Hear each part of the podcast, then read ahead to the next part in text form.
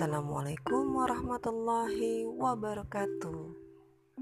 Alhamdulillah Alhamdulillahirrabbilalamin Wa bihi nasta'in wa ala umuri dunia waddin Wassalatu wassalam anbiya wal mursalin. Sayyidina Muhammadin wa ala alihi wa ashabihi ajmain. Amma ba'du. Rabbi syrahli sadri wa yasirli amri Wahlul uqdatan min lisani yafqahu qawli Sahabat Lili Suryani, Alhamdulillah bertemu ke kembali berada di ruangan podcast Lili Suryani. Segmen Emak Tangguh. Mari mendidik generasi dengan Islam.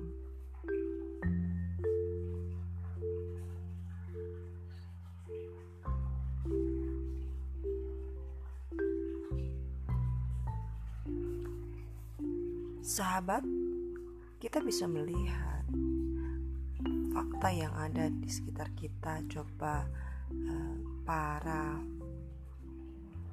komunikasi antara uh, mertua menantu ya terjadi sering kali terjadi kesulitan ya.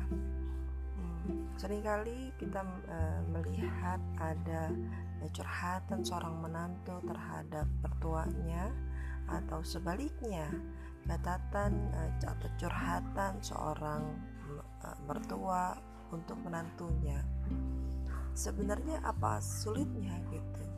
Tetapi memang di sini eh, sebagai seorang manusia pasti ketika bertemu dengan orang yang baru di kehidupannya kemudian disatukan oleh ikatan pernikahan itu memang eh, sulit ya tetapi insya Allah dengan hati yang ikhlas uh, itu akan mempermudah uh, bersatunya dua hati ya.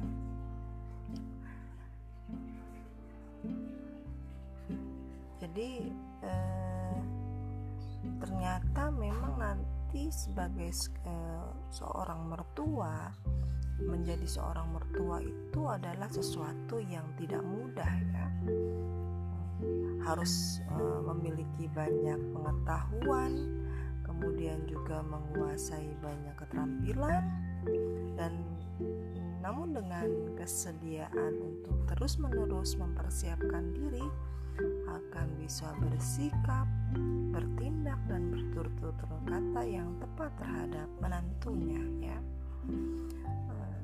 Kemudian di antara hal yang sangat penting dalam membangun hubungan baik antara mertua dan menantu adalah sisi komunikasi. Nah, itu ya. Hmm, di sini eh, mertua harus mengerti cara berkomunikasi dan berinteraksi yang menyenangkan terhadap menantu. Eh, di sisi lain gitu ya, juga harus mampu menghindari bentuk komunikasi yang Eh, berdampak menyakiti, menyinggung perasaan atau melukai hati menantu.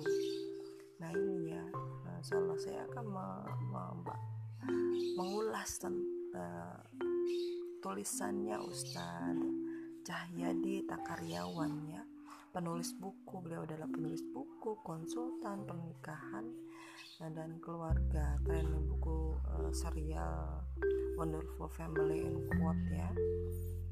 Subhanallah jadi komunikasi antara mertua dan menantu uh, menyangkut kemampuan komunikasi interpersonal ya.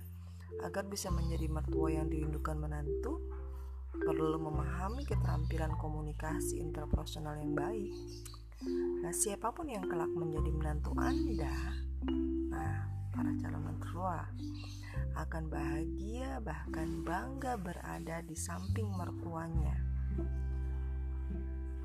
Hmm. Ada empat aspek ya.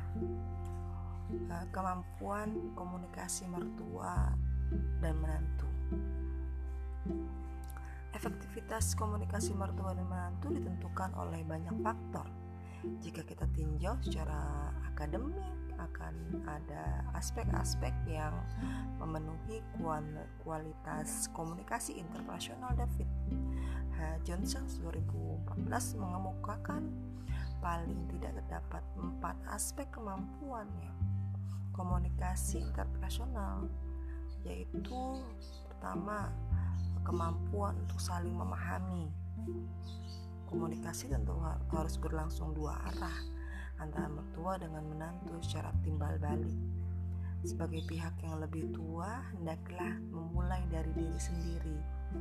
Jangan hanya menuntut kepada menantu untuk berkomunikasi secara baik, sementara mertua tidak melakukannya.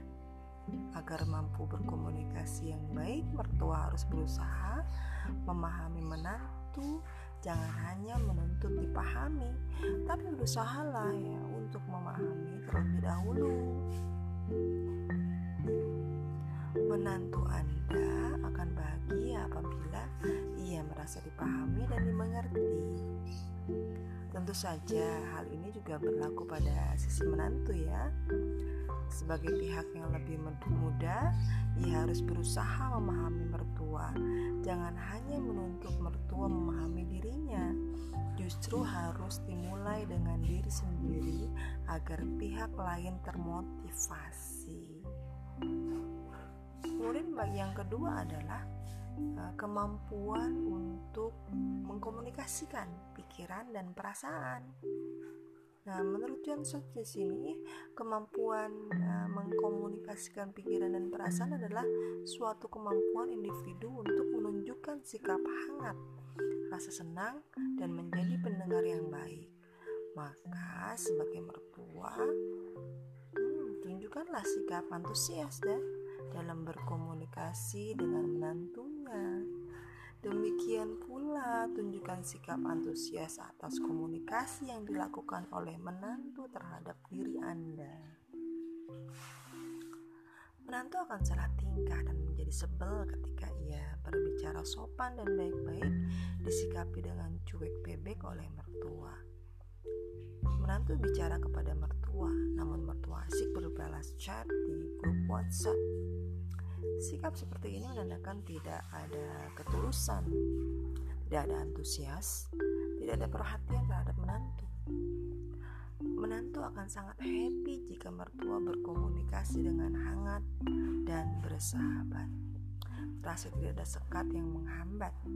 Menantu bisa leluasa berbicara dengan mertua Begitu pula sebaliknya, menantu tidak takut berbicara dengan mertua dan mertua tidak sungkan berbicara dengan menantu. Kemudian aspek yang ketiga, kemampuan untuk saling menerima dan memberikan dukungan. Yang dimaksud dengan kemampuan untuk saling menerima dan memberikan dukungan merupakan uh, kemampuan individu dalam menanggapi keluhan orang lain Hendaknya mertua bisa menunjukkan sikap peduli, sikap siap bersedia menolong kesulitan menantu, dan memberikan arahan atau bimbingan yang diperlukan. Sikap saling menerima merupakan hal mendasar dalam sebuah komunikasi. Sebelum menjadi menantu, calon mertua berhak untuk terlibat dalam menentukan kriteria pasangan hidupnya setelah anaknya menikah, harus bisa menerima apa adanya kondisi sang uh, menantu tersebut.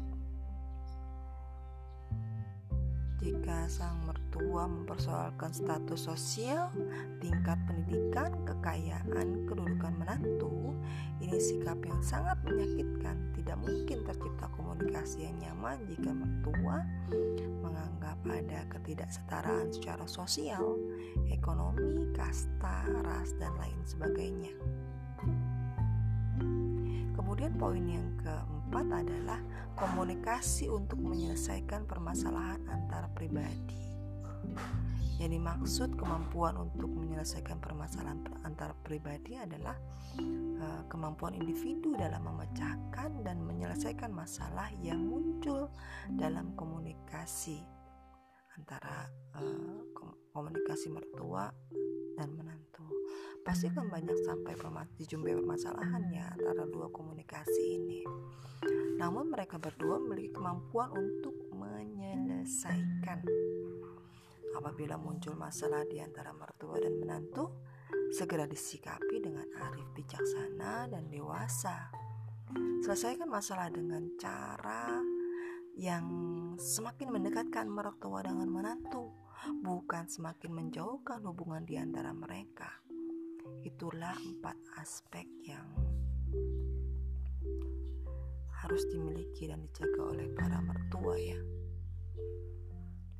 Agar bisa berkomunikasi dengan baik kepada menantu.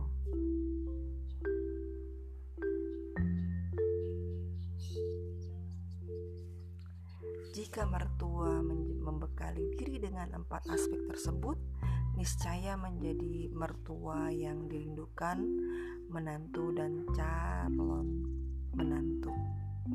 Para jomblo berebut nih melamar untuk menjadi menantu Anda. Ya kan? Oke, sampai jumpa lagi dengan saya Lili Suryani. Assalamualaikum warahmatullahi wabarakatuh. thank you